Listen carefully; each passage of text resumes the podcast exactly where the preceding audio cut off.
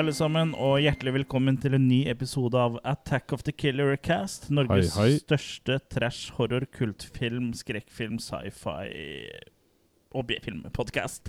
Ja. I studio sitter som vanlig jeg, eh, Chris, og med meg så har jeg min eh, holdt på å si kumpaner. Dere er jo det, kumpaner. Jeg skulle prøve å finne på noe morsommere. Ja. Men eh, dere er her, dere òg. Og Jørgen. dere heter Jørgen. Og Kurt. Ja. I dag skal vi snakke om en sci-fi-film som eh, faktisk er den første tegneserien som har blitt gjort om til spillefilm. Sånn eh, den Ja. absolutt aller første. Eh, For før dagens hovedrett så var tegne, sånn adopsjoner av tegneserier var forbeholdt serials. Ja. Det er jo da i bunn og grunn TV-serier før TV-serier var TV-serier. da Du gikk på kino og så disse seriene. Sånne korte snutter ja, som gikk før hovedfilmen og sånn. Ja, Mm. eh, Som for eksempel Buck Rogers og Flash Gordon og sånn. Flash. Men i 1968 så kom altså da den første spillefilmadopsjonen av en tegneserie, og det var da nemlig Barbarella, som, som vi skal snakke om litt eh, senere, som opprinnelig er en sånn fransk eh, sci-fi-tegneserie. det var basert på Birg... Nei, hun eh, Jo, Birgitte Bardot, var det ikke det? I tegneserien, tror jeg. ja, det kan godt eh, tenkes, det er jeg litt usikker på. Mm. Eh, men eh, før vi snakker om Barbarella, så tar vi den sedvanlige runden rundt bordet, hvor vi da snakker om hva vi har sett siden sist, være seg bra filmer, være seg dårlige filmer. Så da er det da enten en anbefaling eller en advarsel da fra vår side. En analbeføling. Ja. Ja, Det kan vi også tilby, men da må du bli premiemedlem. Ja. Eh, så men da koster det 69 kroner måneden, og ikke 39. Ja, ja, ja. Da får du en månedlig analbeføling av eh, Kurt. Hvorfor i all verden har vi ikke lagt oss på det? Ja, hvorfor ikke? Ja, for da hadde du ikke hatt noen premiemedlemmer. Vi kan jo lage en sånn egen sånn eh, eh, Onlyfans. Nå Ja, tenkte jeg, på OnlyFans. tenkte jeg på tallet, da. Summen. Ja, ja, det er det jeg mener, men da hadde vi ikke fått noen. Ja, det, hadde vært for dyr. Det er vanskelig å få folk til å bare betale 39 kroner. Ja. 69 blir jo nesten dobbelt så vanskelig som jeg satt i kjerringa mi. Men det er, det er kanskje sånn noen ganger at du må sette prisen høyere, sånn så folk tror at det liksom de får At mer. du går glipp av noe. Kanskje Ja. vi skal gjøre det? Jeg tror det. Vi skal legge på 10 kroner. Ja. For 39 pluss uh, 10 er 69? Ja. Ok, jeg skjønner. Det er godt vi ikke er en matematikkpodkast. Ja. Eh, vi driver mest med film. Men vi har jo svak- også en premiumpodkast hvor vi snakker om alt annet bortsett fra film og egentlig matte, tror jeg. Er kanskje mye av det. Snart. Kommer snart. Ja, som heter Killercast After Hours, Mm. som du da får tilgang til hvis du er premiummedlem. Så gå på attackofthekillercast.com slash go premium for å få tilgang til den. Ja, eh, er det noen av dere som eh, er gira på å begynne ballet? Jeg kan tråkke til, jeg, for jeg eh, er ganske fort gjort det jeg har å melde. Ja, kjør på. Eh, bortsett fra ja, ting som ikke har noe her å gjøre, holdt jeg på å si. Det Nei. som eh, Du kan bli litt til, Jørgen. Jeg kan bli litt til Jørgen. Ja. Nei, jeg har sett en eh, dokumentar, jeg vil ta i. En slags uh, kvasidokumentar. Kvasir. Ja, kvasir. Eh, jeg vet du har sett den her, Chris. Oh, ja, ja. Room 237. Ja, den uh, The Shining-dokumentaren med litt sånn uh, konspirasjonsteorier om månelanding og alt mulig. Stemmer. Mm. Så det er også er det ni forskjellige teorier da, som lanseres. Sni? Sni, sni. Jeg husker ikke om det var syv eller ni, men jeg mener det var ni. Okay. Det er Forskjell- sni. Ja, det er sni. Ja. Teorier om, om, om forskjellige ting han skal ha lagt bevisst og ubevisst inn i filmen The Shining. da. Ja. Og det går alt fra, som du sa, til, fra at det er han som har staged månelandinga, at han legger inn clues til det. Ja, at han liksom øh, fikk i oppdrag å produsere den for uh, uh, staten, ja. Ja. Ja. Og til at filmen egentlig handler om uh, masseutryddelse, altså genocide av indianerne. Ja. Mm. Ja, det er Ja. det filmen egentlig handler om. Ja, Mm. ja, og Ja. det er mye av det i bilder og de hermetikkboksen og sånne ting. At det ikke noe er tilfeldig og sånn. Det er greit at uh, Kubrick var en veldig nøye kar, han. Det var Ja. ikke noe som var overgitt til tilfeldighetene. Men jeg må vel si at her eh, snakker vi om selve definisjonen av clutching at at straws, da. Ja, som men det, det er- det, er, det er en veldig interessant dokumentar, og jeg syns det er veldig gøy med månelandinga og sånn. Jo da. For, for du, du kan jo finne alt, men uh... Men jeg syns det er så gøy da, at det er han som lanserer den teorien, han som er sterkest på den teorien. da. Han Mm. mener han har vært i kontakt med NASA og har bevis, ja. men det legges ikke fram noe bevis. ja. Nei, ikke sant? Nei. Nei. men han vil jo ikke gi de bevisene videre, så det er jo sånn typisk sånn der konspirasjonsteoretikere. Ja, for han skulle lage sin egen dokumentar. Han tror jeg, sin egen bok. Ja, det venter vi på enda. Men uh, jeg syns jo akkurat den biten er sp spennende, for du ser jo sånn som når han eh, Danny reiser seg opp og han har den raketten Ja, på, Apollo 11. på Apollo 11 på genseren, og, og det gulvteppet er helt likt som liksom basen så ut, og sånn, så er det veldig gøy. Men Mm. eh, Ja jeg tror heller ehm, eh, ikke på at eh, den månelandinga var uh, staged. Den kunne fint vært gjort det, Mm. Uh, vært det. Men jeg, jeg har jo nevnt de her før òg. Corridor Digital, som er en sånn YouTube-kanal. De har jo akkurat, akkurat nylig nå tatt for seg akkurat den månelandinga for å se Mm. om det her er det ekte eller er det fake, da. Ja. Og da kommer vi fram til, for å liksom lage de tinga her fake, da, blant annet en sånn planet Når du ser en sånn eh, lite romskip eller sånn Jeg vet ikke helt hva det heter. En sonde eller bare et eller annet som er på vei mot en planet, da, som han Buzz Aldrin eller en eller annen filma. Mm. Og så ser du liksom planeten rotere litt bak her og sånn. Og da sa de for å få til det her, så måtte du hatt en hangar som var liksom mye større enn noe som fins. Så Ja, det ja, ja. alt. Jeg har Ser jo sett ekte eh, ut. en annen Mm. dokumentar en annen gang hvor de prøver å gjenskape det i en hangar eller i, i et Ja, stort og det studio, da, og det lot seg ikke gjøre, nei. Nei, uh, det er nettopp det det ikke gjør. Nesten litt synd, egentlig, for jeg synes jo det er For det hadde jo vært veldig eh, morsomt hvis det var eh, fake. For disse, det, månelandinga stoppa jo den kalde krigen. Ja. Så det hadde jo vært gøy om eh, liksom, den ble stoppa bare pga. noe fake. Men jeg, uansett, da, så hadde jeg, selv om jeg hadde trodd på den teorien, så tror jeg på at vi har vært på månen, altså. Ja, ja, ja. Eh, Men det hadde, jo, det hadde jo vært et godt ledd for å kunne stoppe den kalde krigen. da. Å liksom fake det for russerne. Det gjør jo ikke noe. ja, ja. De, de går, jo jo så langt, de går jo så langt her og sier at det er veldig mye av uh, all footage du kan se fra, fra World War II, holdt jeg på å si, Ja. er fake, det òg. Ja. At det er, ah, det er en fyr som sier at Altså, det er jo jobba- film, du ser jo ikke direkte, så på en måte Jo, jo, men han har liksom funnet ut at det, er, når de sier det er fly som skal fly til Japan og Pearl Harbor fra Pearl Harbor og sånn, så er det egentlig over New Mexico. Det var liksom ikke måte på hva slags teorier de kom med, da. Ja, okay. Må dra inn Area 51 i det her òg. Ja. Ja.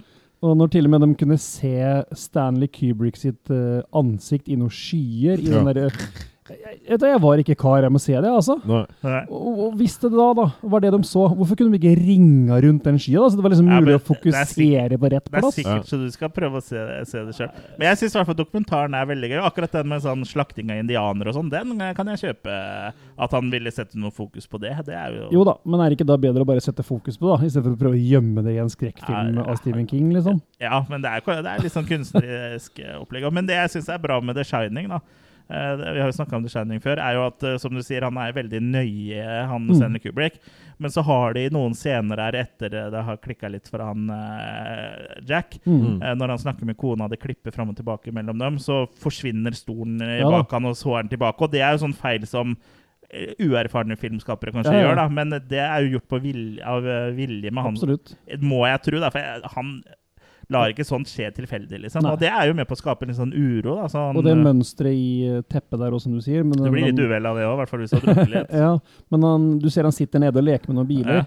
Da går mønsteret den egen, ene veien, men når han reiser seg opp og han har den der mm, rakettgenseren, da har mønsteret på teppet snudd seg. da. Ja, og veldig ofte Men det er jo bare figuren i seg sjøl som har snudd seg, da. Ja, Hvis Ja, han er roterer Ja. 180 grader, så vil Og- jo mønsteret på teppet være noe og hvis eh, hvem som helst annen hadde laga den filmen, så ville jeg tro bare at ja, de bare gjorde sånn fordi de ikke gadd å liksom fordi det passa bedre akkurat, Ja. de skulle filme kjapt. Men med han så tror jeg han har gjort det med vilje for at det skal skape litt sånn uro. da. Ikke, ikke for at eh, det er for å dekke over noe Apollo-greier. da. Og så har de også noe teorier, for de hadde gått gjennom strukturen på det hotellet. da. At det der kontoret Jack Torrance kommer til helt Ja. i starten, der kan det ikke være noe vindu, for det er midt inne i bygget. Ja, men det er sant. Ja, men Men eh, det er jo tror ikke det er gjort Det er liksom ikke gjort for å villede noen. Det Nei. ikke, det er ikke laga sånn Men det her har du Jeg tror det er i den dokumentaren, hvis ikke så har jeg lest et annet sted. Men det er også med på å gjøre, gjøre det så, sånn at det skal liksom bidra til at ting føles litt sånn uh, rart. Jo da, for det er jo ikke noe trær og busker uta, rett utafor noe vindu i det hotellet. Da må du lenger vekk Nei. til den labyrinten, da. Men det, det, er, det skal være gjort bare for å liksom lage en uro for seeren, ikke for, å, for noe annet. Og det syns jeg jo er, funker bra, det. Ja. Når ting liksom på en måte blir litt sånn eh, at ting ikke stemmer, men så vet du ikke helt hvorfor, så blir jo det litt sånn uggen stemning. Mm. Jeg får lyst til å se den, i hvert fall basert på det dere har fortalt. Og det Ja, jeg har den hørt før. dokumentaren er veldig bra, den Hvis du trenger en sovepille en gang, så kan du få låne den. Ja, nei, jeg syns den dokumentaren er Jeg tror på alt, jeg. eh. Men du trenger ikke tro på det. Men akkurat sånn eh, det med det kontor og sånn, det er ikke noen konspirasjonsteorier. Det er jo bare Nei, og det er jo nettopp det. Det er jo flere sånne ting de tar fram. At det, blant annet, så, det er jo filma på de forskjellige locations her. ja. Og så syns han han har gjort seg så umake, da, for den ene scenen hvor uh, han kiden er ute og sykler på den treårssykkelen, Ja. så kan du se den scena Eller den etasjen han er i, da. Det er filma på ett hotell, Ja. men den derre den eh, Hva heter det, sånn glassvinduer sånn, eh, hvor det er sånn eh, Sånn der i kirken, holdt jeg på å si. Sånn Ja. eh, Ikoner, farga eller- glass. Ja, det er jo ikke, det er jo ikke likt, men det er Nei. sånn farga glass, da. Ja. Det er en annen location. Og så har de slått sammen bildet sånn at det, det ser ut som den er på begge locations samtidig. Jeg skjønner. Eh, det heter filmskaping, heter det. Ja. Ja, ja, men det er Det nettopp, det er nettopp alle det de triksa som han gjør der, er bare for at ting skal virke litt sånn unaturlig. For da var jo ikke sånn CGI og sånn på den tida. Så bare ved og, Ja, det er jo bra at- filmmaking, Det, ja, og det er jo nettopp derfor han fjerna stoler og satte dem tilbake. Sånn. Det er Mm. bare for at du skal se at her er det noe off, ikke sant? Ja, men det er jo ikke off når han setter sammen to bilder for at det skal se ut som det er samme sted. Det er jo bare bra laga, liksom. Ja, ja. Ja, Ja. jeg tenker på de stolene og alt det. Altså, det er jeg- jeg og, det si jeg- og det kontoret som er midt inne i bygget, som da har trær utafor. Det er bare så du skal føle at her er det noe som er eh, ikke stemmer. Jo, men samtidig så er jo ingen som ser, De aller fleste som ser den filmen, tenker ikke over at ikke det er et eh, kontor som ikke er et vindu i, liksom. De aller fleste tror jo bare at de har kommet inn på kontoret som er ytterst i, i en fløy. Mm. Så, så, så Ja, å begynne men å lete etter sånne ting syns jeg blir sånn litt far-fetched. Da, da, Ja. da kunne du liksom kalt det en goof, da. Ikke en konspirasjonsteori. Ja, det er jeg enig i, men, eh, det, er, men jeg, ja, det har jeg ikke sagt. Mm. Men jeg bare sier at det er eh, de tinga som eh, har blitt sånn sett på som goofs på Kubrick sin uh, The Shining, er gjort med vilje for at han skal få Ja, ja. seeren til å føle seg uvel da, ved at ting Mm. eh, ikke skal stemme. Fordi det er jo et mareritt, ikke sant? Ja. Og i et mareritt så kan du gå inn en dør, og så plutselig så er du på et helt annet sted. Så det er jo det jeg tror han har gått for, gått en, for her, da. det er jo en slags uh, marerittscenario i hele filmen. Ja. Så det er jo klart Så- at uh, så ting det- kan være Ja, så det er jo derfor han har gjort mye sånn Mm. eh, eh, rare ting. Og det er klart at uh, slakting av indianere også er jo også en ubehagelighet for amerikanerne. Å drive og plastre opp det òg kan jo gi litt sånn uggen eh, Det er klart. følelse. Men nå er jo Indian Burial Ground en trope fra Stephen King òg, da. Det Ja. jo Alt er ikke- Indian ground. Kan, ja. kan du heller ikke si at det Kubrick har henta, liksom. Det er jo hans trope, som regel. ja, Uten at bare, bare at det er så mye av det med sånn eh, bilder og sånn, da. Ja, ja, ja. Ja. Men, men det kan jo være mye, like mye inspirasjon fra boka som det handler om noe som helst, at han prøver å komme med en, en slags uh, kommentar, da. Ja, Han kan, ja, at han bare har spunnet Det Det er jo litt det med at Mm. eh, Kubrick avslørte jo Han gjør det i hvert fall ikke nå, men han avslørte jo aldri sånne ting heller, så man Nei. vet jo ikke. Nei, Så Nei, han ikke eh, eh, Det er derfor det blir så interessant å liksom dissekere hans filmer òg, for det, det ligger det, det er ikke noe tvil om at det ligger andre ting under overflaten. Han har ikke bare laga en popkornfilm, han, liksom. Det har han det, Nei, så det er alltid mer eh, enn det, så, enn det som eh, man eh, ser, da. Men eh, om det er så mye som den dokumentaren eh, prøver å få det til å virke, det stiller jeg meg tvilende til. Ja, de sier jo til og med det at det det er ikke sikkert alt det her var gjort bevisst, men da er det i så fall gjort ubevisst. Ja. Men eh, nå er jo verden full av sånn freak accidents òg. Ja da. Eh, jeg har nylig sett det bare før Eller kanskje du kan kaste makekast på den her først? Ja, jeg må si at jeg syns den her var litt skuffende. Altså, jeg syns den var mye surr. Eh, han kunne vært mye tightere lagd, da. Ja. Du får jo blant annet ikke se noen av de fyrene som prater. Nei. Eh, og det er veldig vanskelig å se når det er staged et eller annet som de har laga sjøl, Ja. kontra om det er henta fra noen filmer. De blander jo inn fra Ice Wide Shot blant annet, og flere andre Kubrick-filmer. Mm. Det kunne vært mye mer, bedre narrativ på det, da. At du Ja. visste litt mer hvor du var hen. Ja. Eh, men uansett, jeg, jeg kan ikke kaste mer enn toer. Altså. Jeg syns det var slapt. Jeg. Ja. Jeg husker bare at jeg likte den, men jeg tør Ja. ikke kaste noe Hva tror du du hadde kasta? Hvis Nei, du tar sånn kanskje- Kanskje en fantommaker? fantomfirer. Ja. Men uh, før du fortsetter på lista di, Kurt, så vil jeg bare Jeg har bare den, ja, så det går Ah, fint. det. bare, det her er egentlig ikke en eh, anmeldelse, da, men jeg kan ta over etter det. Men jeg vil bare nevne en Netflix-dokumentarserie som heter uh, Cecil Hotel. Hvor det er en sånn dame som heter Elisa Lam, da, som uh, forsvant fra. Mm. Og så ble hun for, spoiler alert, funnet i vanntanken etter noen dager. Men så der òg var det jo sånn For det var en sånn sak som hvor internettfolk begynte å forske. ikke sant? Sånn, mm. De kaller for webslut, så de fant masse sånne ting og trodde det var konspirasjonsteorier og alt mulig.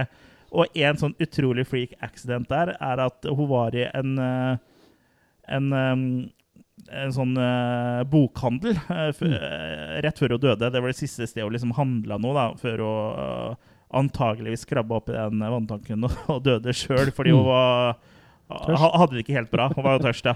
Og hadde, sånn bipolar, og hadde bipolar lidelse. Men det som er litt spesielt, er hvis du går inn på og ser på sånn Whois-informasjon, sånn eh, på hvem som er registrert på domenet og sånn, Mm. og så trykker du på GPS-koordinatene eh, til eh, På eierinformasjonen på den sida, Mm. så, så kommer du da fram til kirkegården som hun Elisa Lam er begravd på. Ah, Så det er jo ikke rart at det blir konspirasjonsteorier, Nei. men det er jo utrolig sjukt, da. Ja. ja, ja. At liksom det siste stedet hun var på, har liksom Altså det siste stedet hun endte opp på som registrert adresse, Mm. og har hatt det lenge før hun gikk dit. Altså det er liksom veldig merkelig. ja, ja.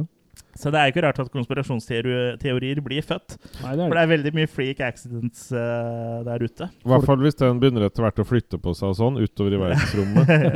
Men uh, det er jo veldig eh, merkelig, da. Folk er jo flinke til å finne mening med ting i etterkant, da. Ja. Mm. Ja, men det er bare veldig rart, da. At Ja. den siste butikken hun var i, når du trykker på adressa der, så kommer du på kirkegården som hun er begravd på. Mm. Så det er jo veldig Og hvorfor, skal, hvorfor i det hele tatt skulle den vært registrert eh, på en kirkegård som en businessadresse? Det er jo én ting. Mm. Men det er veldig sånn rart at Ja, ja. ja, Det er veldig freak accident, da. Men um, du kommer jo fram til på slutten av dokumentaren her at det er eh, mest sannsynlig har hun bare vært gæren og så har lagt seg oppi der. Mm.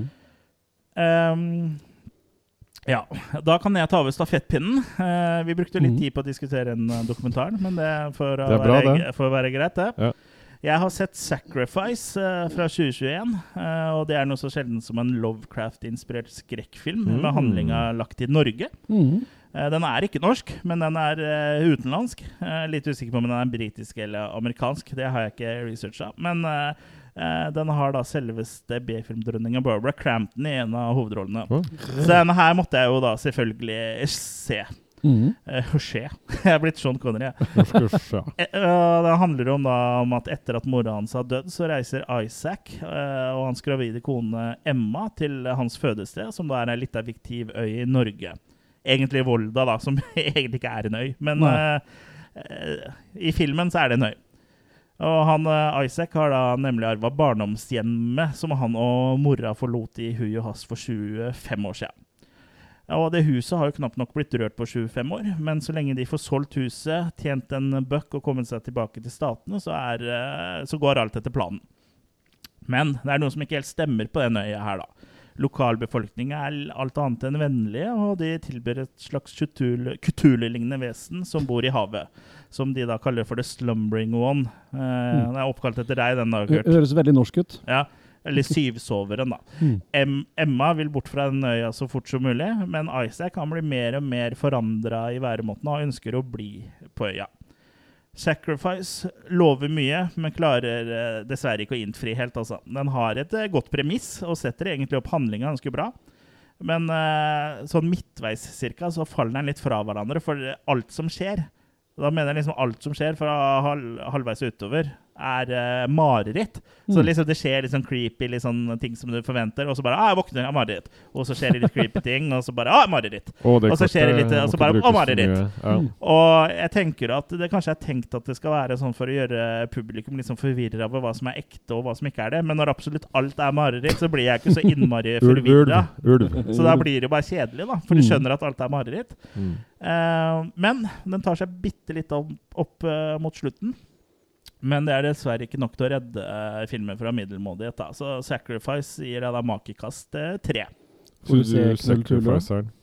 Jeg har eh, Hva sa du? Får du se et knulltulu?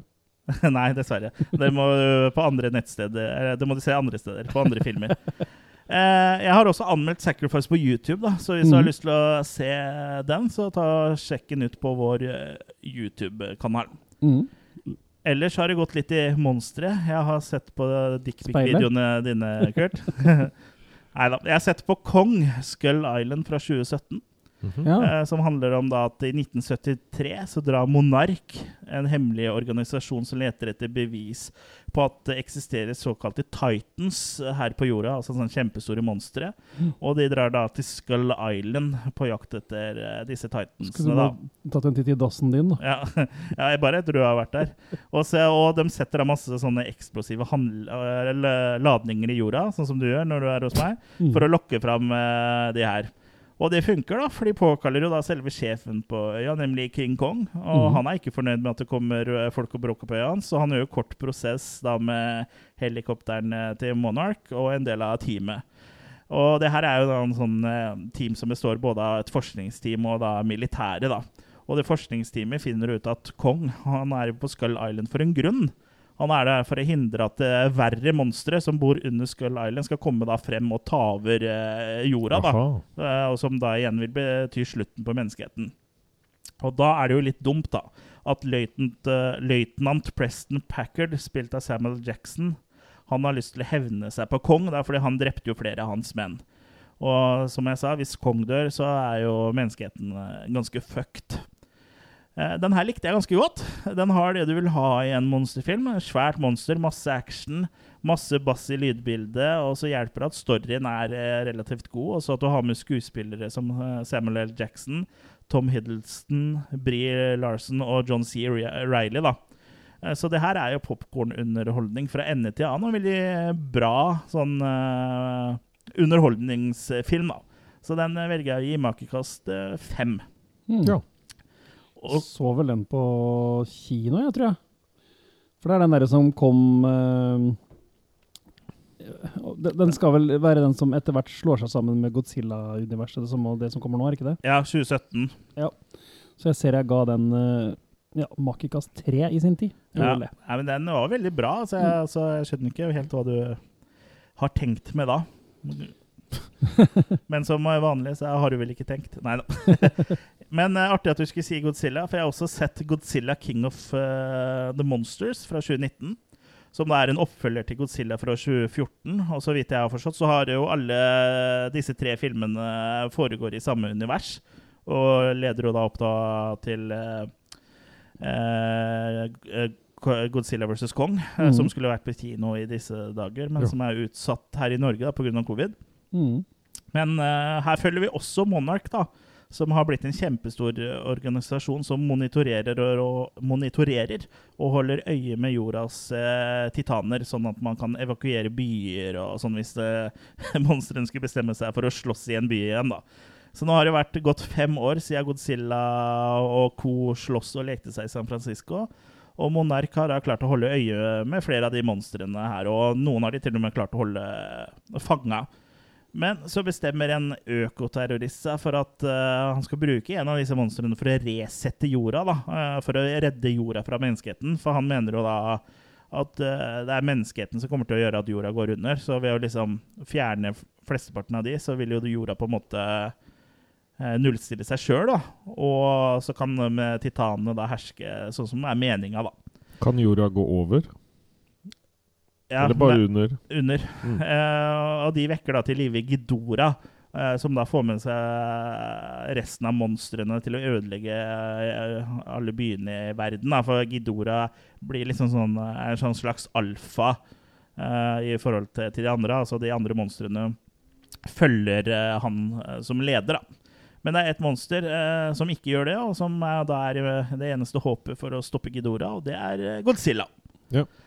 Og den her var heller ikke dum, den, altså. Men jeg syns det mangler liksom kaliberet på skuespillerne som er i Kong Skull Island, da. Eh, Så sammenligna med den, så kommer den litt til kort. Skuespillet er liksom ikke så bra, syns jeg, og syns heller ikke monstermoroa er eh, like morsom. Men det er jo aldri feil å se Godzilla slåss mot andre monstre som Gidora og Rodan. Da. Så jeg syns det er god popkornunderholdning, det her òg. Eh, men jeg syns ikke den var like fet eh, som Skull Island, da. Så her havner jeg vel da på en makekast eh, fire. Så jeg har gitt den en eh, sterk toer eller en svak treer, ser jeg. Noen ish. Ja. Jeg syns det bare var bråk jeg, når jeg så på kino. Det var så høy lyd og så mye vræl og skrik og høye lyder fra disse monstra. Så Ja. Ja, nei, det er tydelig at dette er ikke filmer for meg, tydeligvis. Ellers burde du bare dratt og sett dem på Holmen eldresenter, hvor de tar litt mer sånn uh, høyde for uh, ser, dine ting. de, ser de gamle, originale filmene der. Ja. De er også morsomme, da. uh, men, ja, men jeg syns Godzilla Nei, jeg syns Kong Skull Island var mye bedre. Og den eh, hadde jo en bass som fikk hele rekkehusrekka jeg bor på, til å flytte seg har ti meter har nærmere ikke nabo byen. Nei, jeg, jeg flytta meg ut av rekka. Nei, så Mm. Nei, det, jeg syns begge de er kule, altså, men Kong Skull Island uh, uh, syns jeg var best. Da. Så jeg gleder meg Mm. egentlig til å se Godzilla versus uh, Kong. Uh, men uh, spørs jo når jeg får sett den, da. Mm.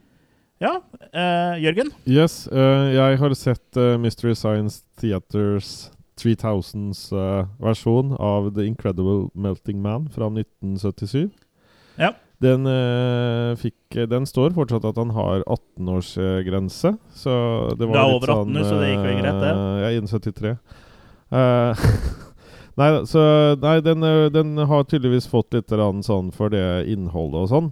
Uh, og For å kort ta hva den handler om, så er det jo da at det er en astronaut som har vært på et uh, feila oppdrag i eh, ute blant eh, våre planeter og kommer tilbake og har begynt å smelte. Mm. Og han har samtidig fått en veldig lyst til å drepe andre mennesker.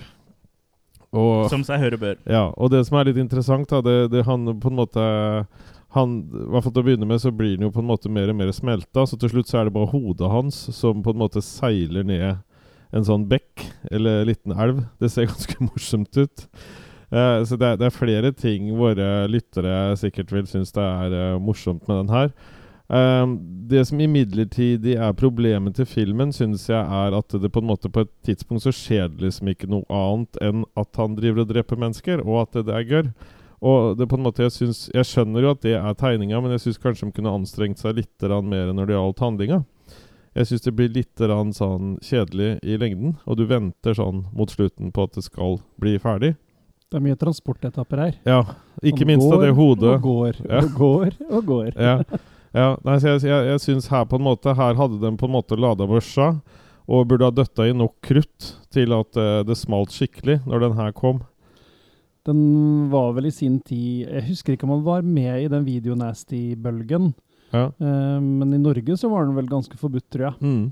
Så jeg husker jeg så den på en sånn derre tape, sånn kopiert kassett. uh, Ja. Og ga nok bedre inntrykk da enn når jeg så den på nytt igjen for et par år siden. Ja.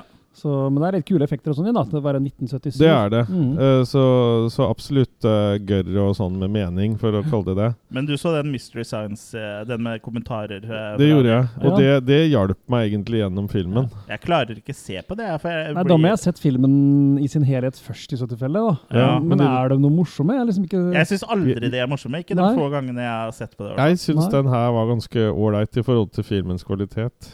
Å ja, så, Så jeg, eh, Ja, det trenger du ikke si så mye. Men, Nei, eh, nei, men det, den dro meg gjennom filmen Ja. uh, når jeg Mm. syns han var litt kjedelig. Så Ja. jeg velger å lande på mak i tre her, da. ja. Det har jeg gitt den å se, men det er Og er uten snill. Mystery Science. Da, da er jeg snill i forhold til IMDb-ratinga, som er 4,2 av 10. Mm.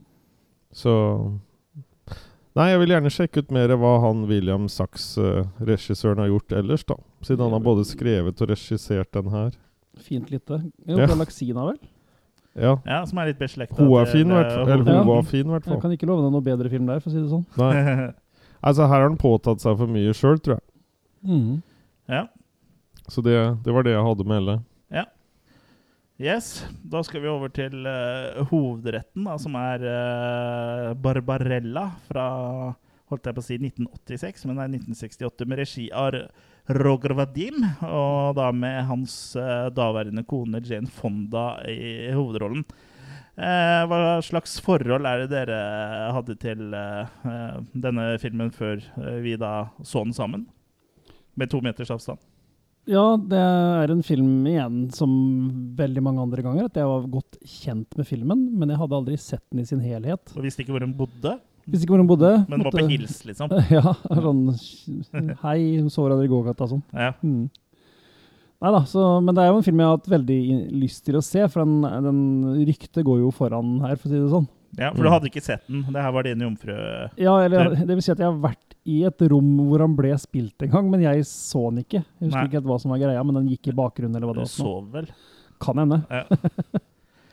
Jørgen?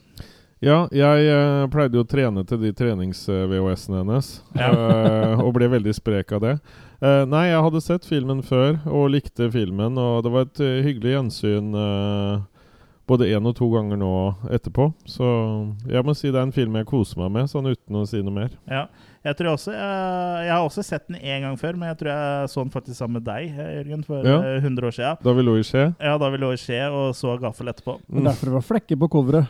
Ja, Nei, det var jo ikke den utgaven eh, jeg hadde. Det var jo en DVD-utgave Mm. eh, som eh, på mystisk vis har forsvunnet. Jeg tror den er eh, oppi rumpa til Jørgen, egentlig. Og der har den sikkert vært de eh, siste eh, 15 åra. Det var lenge ikke er. derfor eh, hullet på DVD-en var slitt, på den du hadde? Nei, Nei? Det vet jeg jo ikke. Den har jo vært oppe i ditt rektum de siste 15 åra, så det husker jeg ikke. Ok. Men, så da måtte jeg jo få, skaffe meg en Blu-ray istedenfor. da. Ja. Men ja, la oss uh, snakke om Barbarella.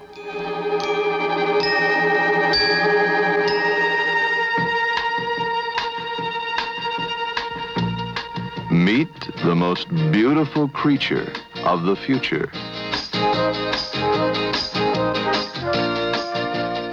Her name is Barbarella, and she makes science fiction something else.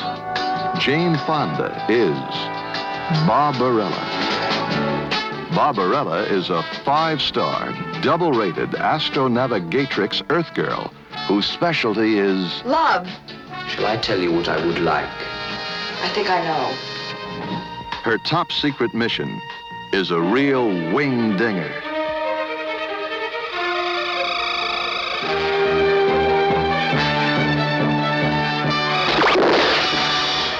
I got him.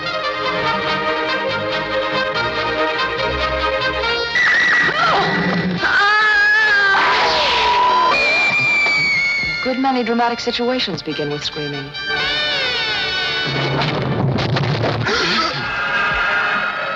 Aswita Sonja!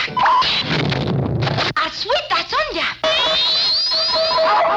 See Barbarella do her thing in the wild, excessive machine, Sort of nice, isn't it?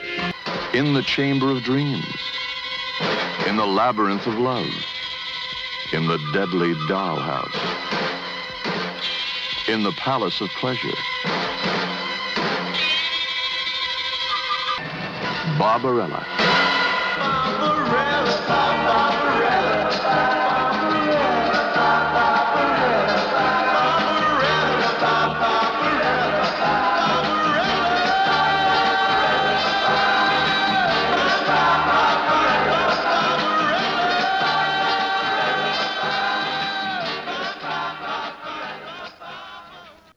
Selve herligheten åpner da med en aldri så liten avkledningssekvens, hvor eh, Barbarella, da spilt av Jane Fonda, flyter, eh, eller svever rundt uten eh, tyngdekraft i, i romskipet sammen mens klærne blir skrella av òg. Så så langt står det jo til makekast seks, da. Ja. so far, so, So good. good. Ja. Eh, og Barbarella hun er da en såkalt astronomatrix. Eh, Ja. Så jeg vil si at hun er ikke en figur i Asterix, men eh, hun kunne vært. Kunne vært det. Og er da eh, en blanding av en astronaut og dominatrix, eh, kanskje? Jeg vet ikke. Hun er i hvert fall en, en sånn Hun jobber i hvert fall for the government, government på jorda, da. Hennes ekspertise er love. Mm, ja, som vi hørte i love. traileren. Og den tittelsekvensen med naken, naken sveving blir da avbrutt av selveste presidenten av jorda, som kontakter henne da på, på si Zoom, eh, videosamtale Ja. i hvert fall. Og Barbarella da, som er helt naken, spør om hun skal ta på seg klær, men det Så viktig er det det ikke. er det ikke tid ikke til, for vi har jo en situasjon her. Så det har vi ikke tid til. Og Nei. proff som han presidenten eh, da er, så klarer han likevel å opprettholde blikkontakt. Mm. Han ser bare på feil par med øynene, men det får så Det er klart være. at Når du har agent dobbel D7 foran deg, Ja. da Og han presidenten da, han forklarer da at en ung vitenskapsmann eh, ved navnet Duran Duran har forsvunnet et sted i Tau-CT-systemet. Mm. Et system som er relativt ukjent for menneskeheten. Men eh, presidenten frykter da at eh, Duran Duran Funnet på rampestreker. eh, Nei, han er ikke bekymra for det, men han hadde jo med seg en oppfinnelse, en sånn postitronisk stråle, og, eh, som han da har funnet opp. Og presidenten er da redd for at den eh, kan gjøre stor skade om den da havner i primitive hender, da. Mm. Som han frykter eh, bor på Tau-Ceti-stjernesystemet. Wow. For uh, Tau-Ceti-stjernesystemet er et stjernesystem som eh, menneskene da ikke vet så mye om, så det er jo uutforska territorium, da. Ja. De er rett og slett redd for at det skal bli intergalaktisk krig. Ja. Men det er vel ikke egentlig før et par år etter det, når George Lucas Ja.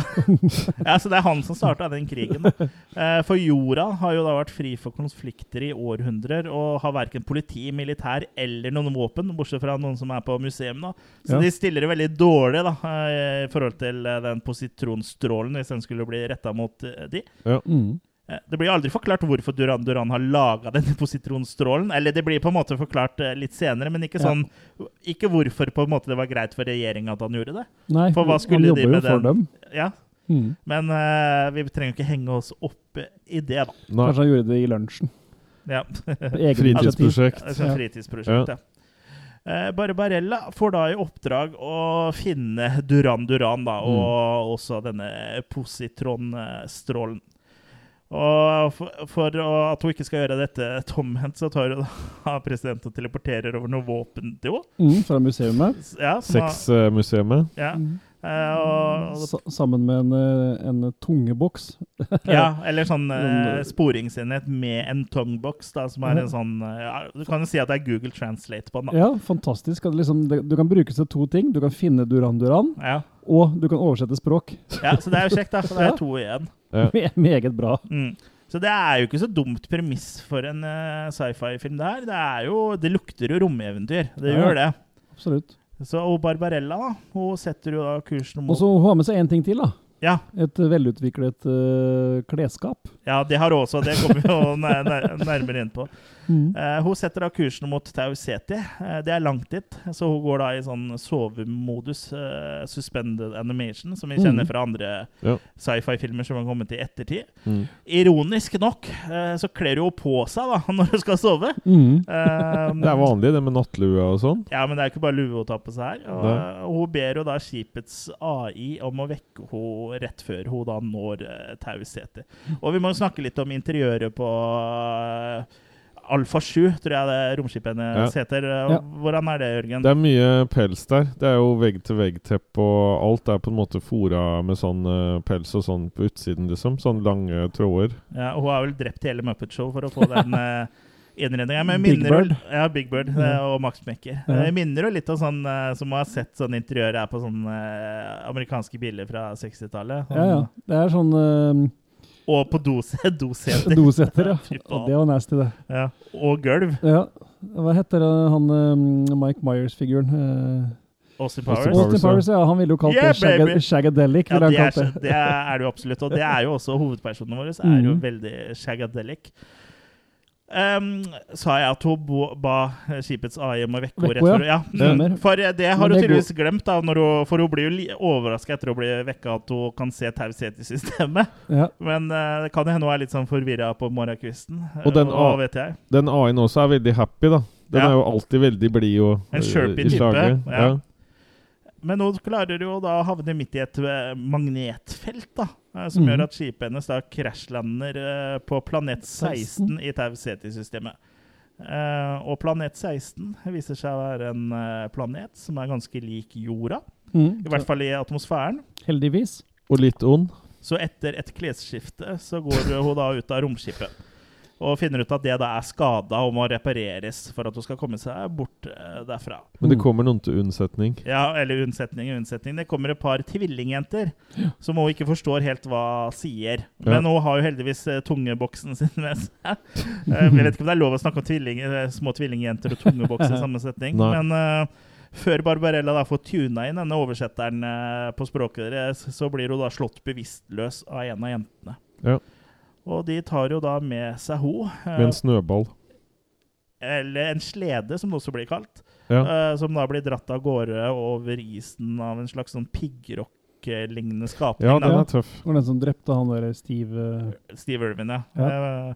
Og det som er litt sånn humor også, når den piggrocka drar de eh, over isen her, er at du ser at den beveger seg og sånn, men tauet som eh, går til slede, er jo, er jo slakt. Ja. så, så det er litt sånn en artig liten goof, da. mm. De ankommer et uh, annet forlist uh, romskip. Uh, der er det flere sett med tvillinger. Og Barbarella kjenner jo igjen eh, dette romskipet. Det er Alfa 1, som da er eh, skipet til Duran Duran. Mm. Og barna tar jo da med Barbarella inn i romskipet og binder henne fast i en eh, stolpe. Og slipper løs en sånn bande med sånn mekaniske dokker som biter, biter på henne. Biter henne blodig og river av henne klærne til stor forlystelse for barna. På, heldigvis på sånne flotte strategiske plasser. Ja. Heldigvis. Ja. Og det her minner meg jo om eh, liksom sånn underholdning som vi drev med sjøl da jeg var barn, i barnebursdager og sånt. Vi fikk jo tak i en eller annen eh, yppig blondine, og så hadde vi noen sånne dere robotdokker uh, som beita og klærne. Ja. Så det er jo litt sånn nostalgisk, da. Ja. hadde du også sånne tvillingjenter som var oppkalt etter fluer. Ja, jeg hadde, ja, for det var litt humor. Ja, Stamoxis og glossina. Ja. Som er også Den ene er vel en CC-flue. Ja. Så det er jo Og alle de typer fluer kan vi finne hvis vi åpner buksesmekken din. ja. Det like irriterende, i hvert fall. Men akkurat den, den dokkesekvensen her, det er nesten den nærmeste en av de gangene vi kommer eh, liksom nærme horrorverdenen i den filmen her. Mm -hmm. For det minner jo litt om Stuart Gordons Dolls, egentlig. Absolutt. Og jeg syns jo de dokkene er De er faktisk litt skumle. Ja. Ha, hadde den fortsatt her i en litt mørkere tone, så hadde det jo gitt ganske horror-ting, Ja. syns jeg. ja, så det er jo For sin tid så må det sikkert vært effektivt, det der. Ja, jeg må jo tro at eh, dette var skummelt å se på kino i 1968, spesielt hvis du akkurat hadde tatt deg litt LSD sammen med popkornet. ja, men tenk deg at du satt der og sett Barbarella naken. Men at hun ligger over den glassplata i oh. romskipet sitt med den gjennomsiktige drakta. No. Sitter der helt klar med en liksom halvkrammen. Ja, nå må vi bare stå Og så- og så på kommer taket, for jeg må bare en tur på do. Og så kommer de dokkene. Ja, så blir det enda krammere. Nei da. Men eh, ja, eh, moroa blir jo avbrutt da, av en mann som kommer til unnsetning, som har med seg da flere vakter. Mm. Han fanger barna i et nett og frigjør Barbarella. Får da stilte inn tungeboksen sin på han, så hun da kan kommunisere med han. Og han forteller da at han er en catchman som heter Mark Hand. Ja. Og at han jobber da med å fange barn. det, er, litt- det er ikke ulikt hva du gjør på fritida, det, Kurt. Og så, og så er han jo en handyman, da. Så han har Ja. jo liksom Ja. vært borti et og annet. Ja. Ja. Og han forteller jo at de barna da, de blir jo fanga inn og sendt bort til en skog som heter Ware. Mm. Eh, og Hvor de blir lagra til de eh, blir gamle nok til et eller annet. Ja, De Ja. blir høsta inn når de er Ja. brukbare og ja, opp. hva de skal brukes til. Jeg vet ikke, Har du noen tanker om det, Jørgen? Er det seksuelle lavalder han mener, eller mener han jobber? Nei, det er vel at det er noe tak i dem, holdt jeg på å si. Ja. Jeg tror er det De skal er rett og slett bare puttes tilbake i sivilisasjonen igjen, på en måte. Ja. Ja, men de skal bo i skauen så lenge, da. Ja, det må vel de liksom er bli jo sånne der, hu- humanoider, da. Så de er jo sånn halvt menneske, halvt uh, robot. Ja, Så blir de gamle nok, så blir de kanskje mennesker til slutt, da. Jeg vet ikke, jeg blir vel aldri forklart noe sånn Nei, ordentlig, egentlig dette ikke. Eh, Barbarella setter jo pris på at Mark redda henne, og han kjører jo tilbake til eh, skipet da, for å hjelpe til med å reparere det. Ja, og da blir hun meget glad, så hun spør jo om eh, hun kan eh, gjøre noe til gjengjeld. Det er dumt å spørre om. Ja, det er Eller veldig er dumt det å spørre om. Eller ikke. Eh, for Mark han er ikke vond å be, han. Han vet hva han vil ha. Han Nei, han har gjerne eh, jobba, jobba for egen hånd lenge nok, for Ja. å si det sånn. Han eh, solo. Han vil gjerne elske med Barbarella, kan han fortelle. Mhm. På den gammeldagse måten. Og Barbarella syns jo det her er barbarisk. Det Mm. har ikke mennesker gjort på lang, lang tid. På flere århundrer. For den vanlige måten som man gjør det nå på, er å utveksle psykokardiogrammer Mm. og ta noen En sånn exultation transference-piller. Mm. Eller noe sånt noe. Det er, det er veldig veldig deilig. Så Dere bør prøve det. Jeg anbefaler det. Ja. Er det det? Mens man- Men tok du da hendene dine mot hverandre? ja, du, det vet du. Mens man da holder én hånd mot eh, en av partners sine hender, da. Men Barbarella eh, har jo, føler jo kanskje mye valg, da, så går jo motvillig med på å gjøre det på den gamle måten. Ja. Men finner da relativt fort ut at uh, det her var noe som falt i smak. Ja. Mhm. Så resten av den sledeturen borte bort Da til synger hun. Ja, da, for han hadde jo tilfeldigvis et elskovsrede bak i den sleden sin, der han vanligvis fanga barn. Det var jo en skjegg... eh, skjegg eh, Det er ikke ulikt varebilen igjen. nei. Nei, så hun ligger jo og synger og koser seg, da. Og eh, det er jo liksom Det er også litt artig når denne sexscena foregår, og du ser den sleden ute på isen der. Så begynner begynner å gå fram og tilbake i Ja, ja. rundingen, liksom som en KLM-sketsj, liksom. Og så han går jo, Det er jo sånn, det er jo på, nesten på Hoth, så er det jo sånn isplanet her, så han går jo i sånn svær pels. Så tar han jo av seg den pelsen for å elske, så har han jo akkurat like mye pels Ja. under. Han er jo særdeles overgrodd. Ja. Ja. Um, men ja, de kommer jo da fram til eh, romskipet, og han donerer jo eh, litt pels eh, også til uh, Barbarella. Ikke fra, han har jo selvfølgelig klær som passer ho. Ja, litt lang hale bare. Uh, men uh, Uh, han står jo da for at Barbarella får tatt på sitt tredje antrekk så langt, uh, mm. som da er en pels med altfor lang hale. Um, han eh, Mark er jo grei, reparerer skipet, og alt er vel og bra. Og han Mark forteller jo også at uh, Duran Duran må du finne i Sogo, for det er liksom en by på pla planet 16 der hvor liksom Mm. egentlig alle som er noe, er, holdt jeg på å si. da. Ja. For spørsmålet er jo om han har reparert det i det hele tatt, da. For han har jo klart også fikse det så han har reparert det i revers. Ja. Hva enn det betyr. Det betyr jo at eh, I hvert fall i praksis da, så betyr det at romskipet flyr rett ned i planet 16 igjen. Ja, Mm. Så krasjer på nytt igjen. Ja, Men Barbarella vet sine arme råd denne gangen, da, så aktiverer noe som heter terraskruer. Ja.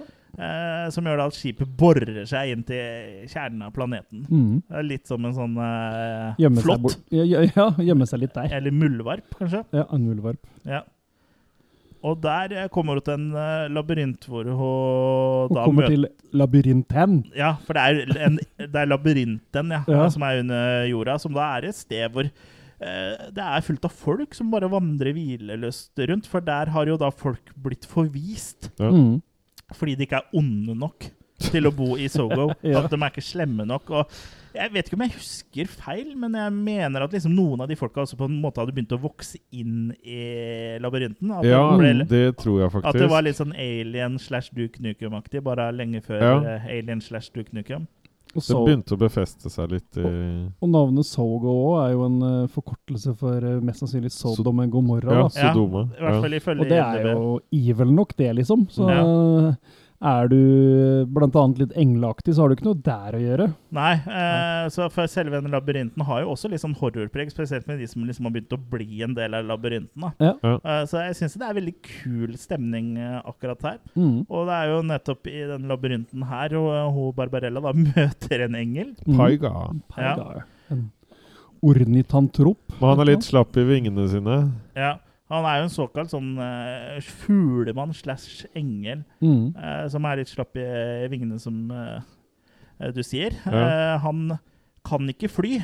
men han Piger tar jo da og tar med seg Barbarella til professor Ping. Ping! For han kan hjelpe uh, henne da med romskipet, da. Ja, for han har ikke moral nok til å fly.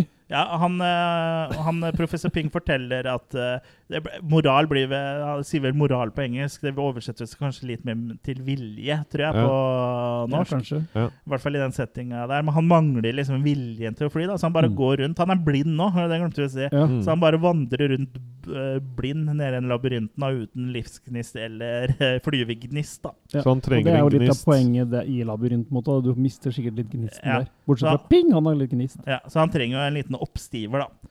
Heldigvis så har jo Barbarella ankommet, og hun har fått seg en ny hobby. Det er å knulle. uh, så hun da blir jo da med Piger til reiret sitt. For han bor jo selvfølgelig i et reir, siden han er en uh, fuglemann. Og ligger, ligger da med Piger, da. Og da kan den fly, gitt! Ja, Da, da er den eh, Will Be Right eh, plutselig. Da er den i farta. Ja, for da flyr den rundt på himmelen, glad og fornøyd med et veldig fårete glis. ja. Eh, og fortsatt blind, da. Men Ja. det bekrefter jo egentlig det du hørte gjennom hele oppveksten, Jørgen. At man blir blind av å holde på for mye med seg sjøl. Ja, det er noe med det. Ja. Mm. Ja. Også, Men for- istedenfor hårete hender, så fikk han vinger, da. Ja. Han fikk fjær istedenfor hår. Ja, ja. Det kan bli en veldig kort vinge, da. Ja, en Kyllingvinge. Men eh, ja, når han har fått tilbake flyvegnisten, da, så overtaler jo da Barbarella uh, Pyger om å da fly henne til eh, Sogo. Mens eh, professor Ping skal reparere skipet, romskipet hennes.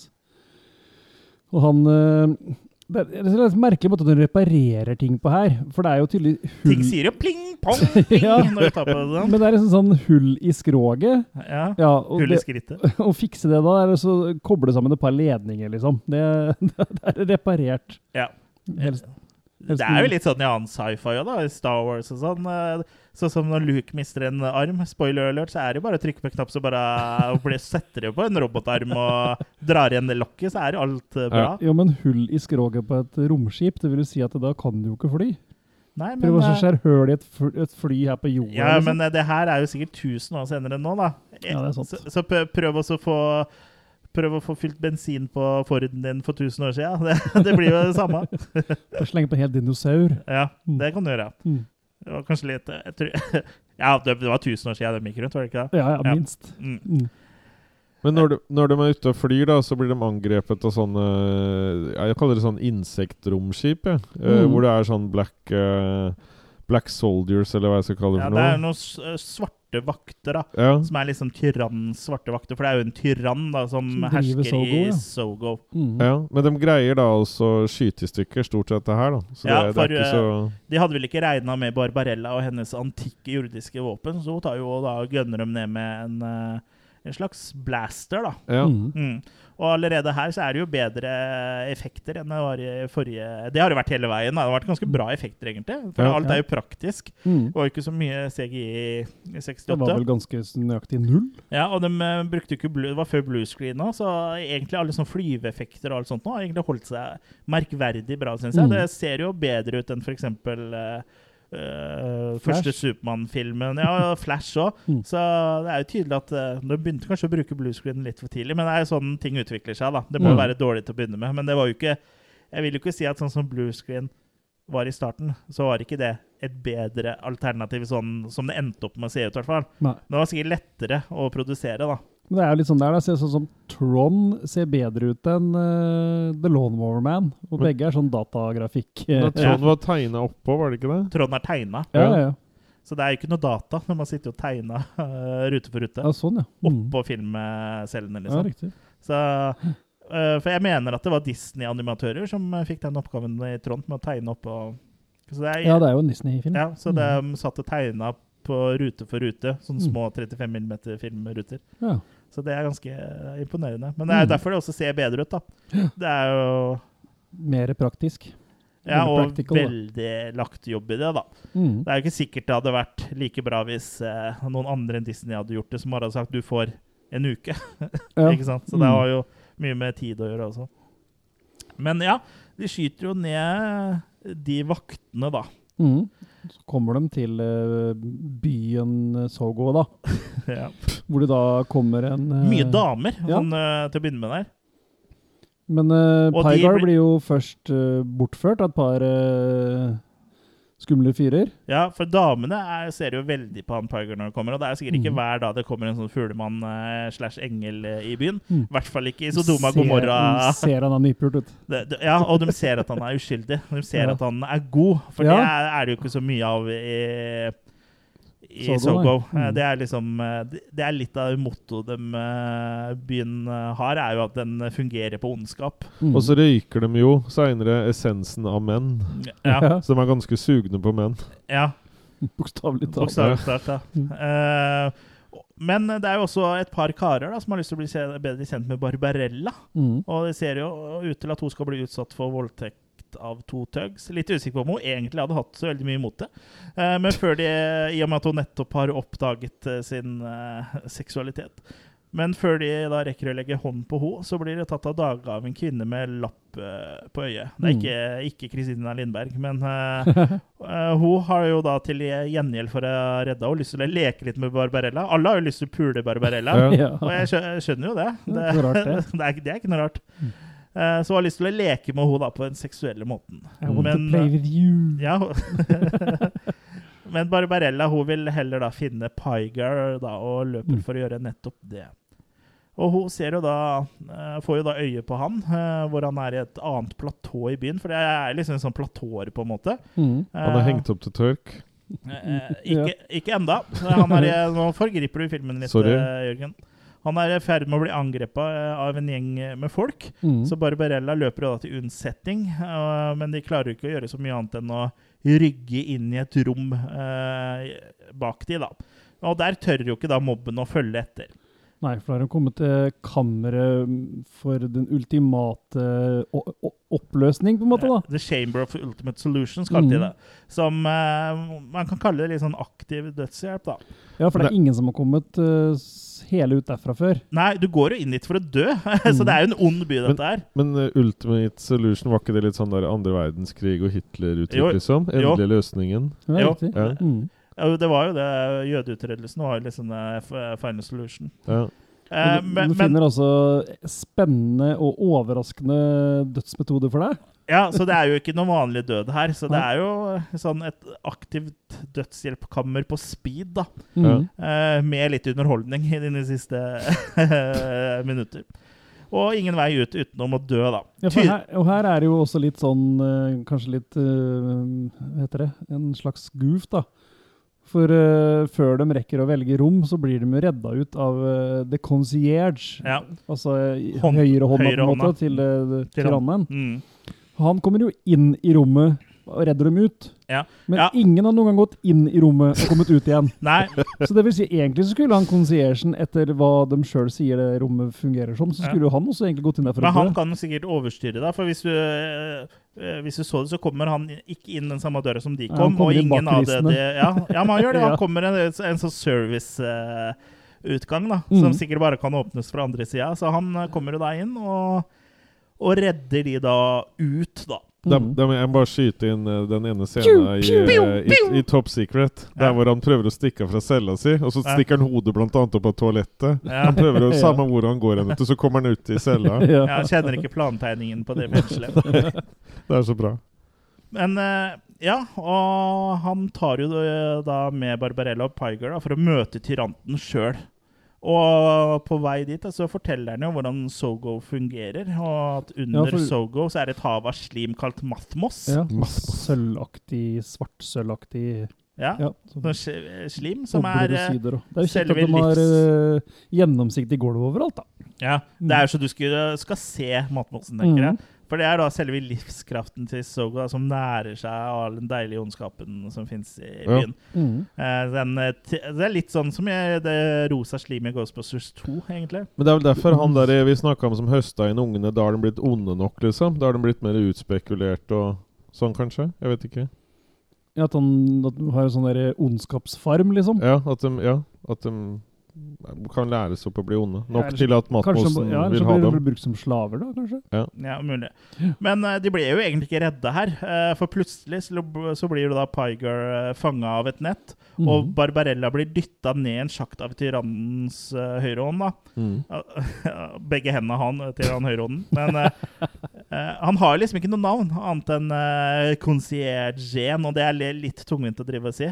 Mm. Eh, vi kan bare si, kalle den for høy, vi kan si høyrehånda. Ja, Ja. En concierge er jo en som skaffer alt uh, og ordner alt og fikser alt på et Ja, jeg tenker jo da spesielt på han uh, i Gudfaren, er liksom han som er høyrehånda der. Det er Ja, jo det. concierge er i sånn mafiagreier. Mm.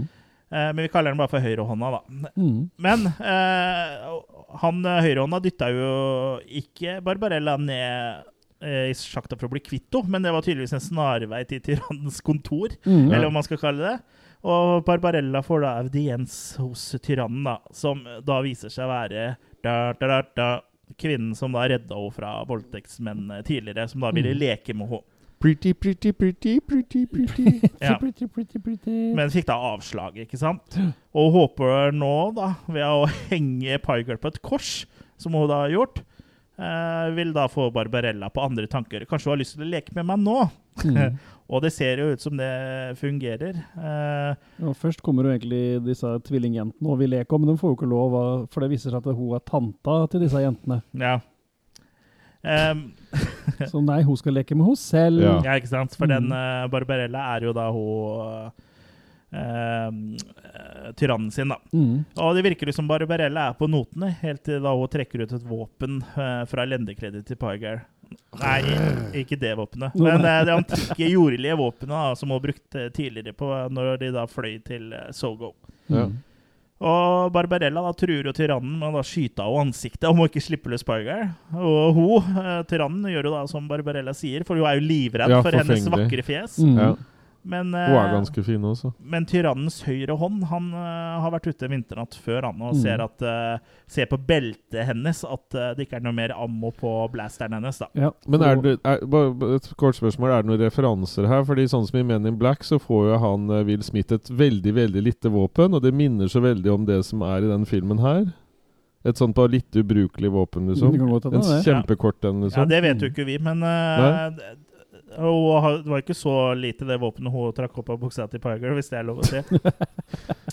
Men jeg lurer på om det ikke er Jeg tror jeg lurer på om det er mer tilfeldig, og heller det at, eh, at det går på sånn eh, du er ikke no, At han ikke føler seg så kul med et lite våpen. Jeg Nei. tror ikke det er noe mer avansert enn det. Mm. Nei. Tviler på at det er en Barbarella Referanse. Ja. Mm. Eh, men han tar jo da pistolen ut av um, hendene hennes og foreslår da å ofre henne til fuglene. Und undulatene. ja. Eh, han tar jo da med til for å ofre til fuglene, som da er undulater. Mens eh, kåte Astrid, også kjent som tyrannen, prøver seg igjen på Piger, da. For hun vil jo gjerne at eh, at eh, han skal elske med henne. Men Mhm. han svarer jo noe som at en engel gir ikke kjærlighet, han er kjærlighet. Så det var jo dødsdåpen hans, da. Ja. Eh, men eh, han tyrannens eh, høyrehånd, høyrehånda, har låst Barbarella da inn i et glassbur, Mm. hvor hun da blir angrepet av blodtørstige undulater. Å nei! Her har dere en idé til en skrekkfilm, dere som hører på. Ja, den Lag er la den. allerede laga Burdemic. Ja, og undulater. Ja, men den er jo bedre, da. Ja. Mm. Eh, Men denne scenen her blir jo da litt ufrivillig morsom, fordi blodtørstige fuglene sitter jo bare helt rolig og øh, spiser frø som hun mm. har uh, stappa inn i klærne sine og I bussen. Ja, og igjen så er det jo da på strategiske steder i hennes Mm. drakt selvfølgelig som blir spist. Men de fuglene de, Det var såpass jævlig under, under innspillingen at de fuglene dreit jo ned, og, og Jane. Fonda var sjuk i to uker etterpå. Jeg tenker meg, tenker Fugle- fugleinfluensa. Ja, fugleinfluensa sikkert. Ja. Ja, det er mye bakterier i fugler, altså. Mm. Eh, Men plutselig da, så åpner gulvet seg i dette buret, og Barbarella forsvinner ned en sjakt eh, til det hemmelige hovedkvarteret til motstandsbevegelsen. Det er veldig flaks at de har en sjakt i, I, eh, hemmelig sjakt ja, i i torturkammeret til høyrehånda. Og han eh, sjefen der, han som kombinerte, han heter jo ikke mindre enn Dildano. Ja. Og han er en skikkelig ryddig fyr. Han har eh, greie på tinga sine. Ja. Ja. Han er Ja. Eh, Ingenting virker. ingenting virker, og hver gang de skal gå ut uh, hemmelige dører og sånn, så vil de ikke åpne seg. Nei, du får gå hovedinngangen. Ja. Dildano da planlegger, og han og resten av motstandsbevegelsen planlegger å styrte tyrannen ved å overrumple henne mens hun sover i drømmekammeret hennes. da. For Mm. hun sover i et sånt drømmekammer Som Med- med en usynlig vegg og Mm. usynlig dør. Og også to usynlige nøkler, hvor Mm. hun Uh, Tyrannen da har den ene, men med begge så kan du da låse døra, og så låse henne inne på dette drømmekammeret for alltid. Ja. Eh, så han da Han eh, spør jo da Barbarella om hjelp, og Barbarella stiller opp, hun. Eh, så han tar jo da leter etter den usynlige nøkkelen, men den har han jo da forlagt, da. Ja. Selvfølgelig. Så han leter jo litt rundt etter den. Og finner jo den til slutt. Da henger den usynlige nøkkelen rundt den veldig synlige halsen og bysten til Barbarella. Mm. Eh, Barbarella føler du at hun må ha noe, få noe tilbake, så hun vil jo pule. Ja, det, det er eh, Det er jo en eh, pornofilm uten pornoen. Ja, det er jo eh, Det er jo så det det er. Og så er det jo ganske moro med tanke på hva slags feminist Jane Fonda ble i etterkant. Ikke minst. Og så Ja. har hun vært med på dette her, liksom. Og Ja. det er i tillegg mannen hennes som eh, Mm. Den daværende mannen da, som har laga han. Jeg vet Mm. ikke hvor lenge det ekteskapet varte, men sikkert ikke lenge. Nei. Regissører og skuespillere er ikke sammen lenge. Han drakk visst mye under innspilling. Ja, det er er overraska hvis han kun drakk. Men her ser du jo det motsatte, da, for her er jo Barbarella veldig lyst til å gjøre det på gamlemåten. Men det vil ikke Dildano. Nei, For han har skaffa seg pille. han vil Ja. ha sexpensiviliserte jordmåten. Mm. Ja. Så han vil jo gjøre det med exaltation transference-piller. Men de har jo ikke de diagrammene, så så det får de klare seg uten. Mm. Han vil ha kul sveis. Ja, Men Barbarella går jo noe skuffa med på å gjøre det på den nyere måten, og tar jo hånd mot hånd. Mm. Og det her er hete saker. Ja. Ja, det begynner faktisk også å ryke eh, når det, han holder der. Og du ser at etter hvert også at håret hans sånn reiser seg. Så han eh, ser ut som en sånn der skikkelig Nei, er... rocker som har satt eh, fingrene inn i stikkontakter eller Ja. noe sånt. Ja, det blir jo Yahoo krøller seg, Har liksom. noen Ja. sett Young Einstein? Etter Ja, ja, stemmer. Serious. Ja. Sånn hår får han. Ja. Ja.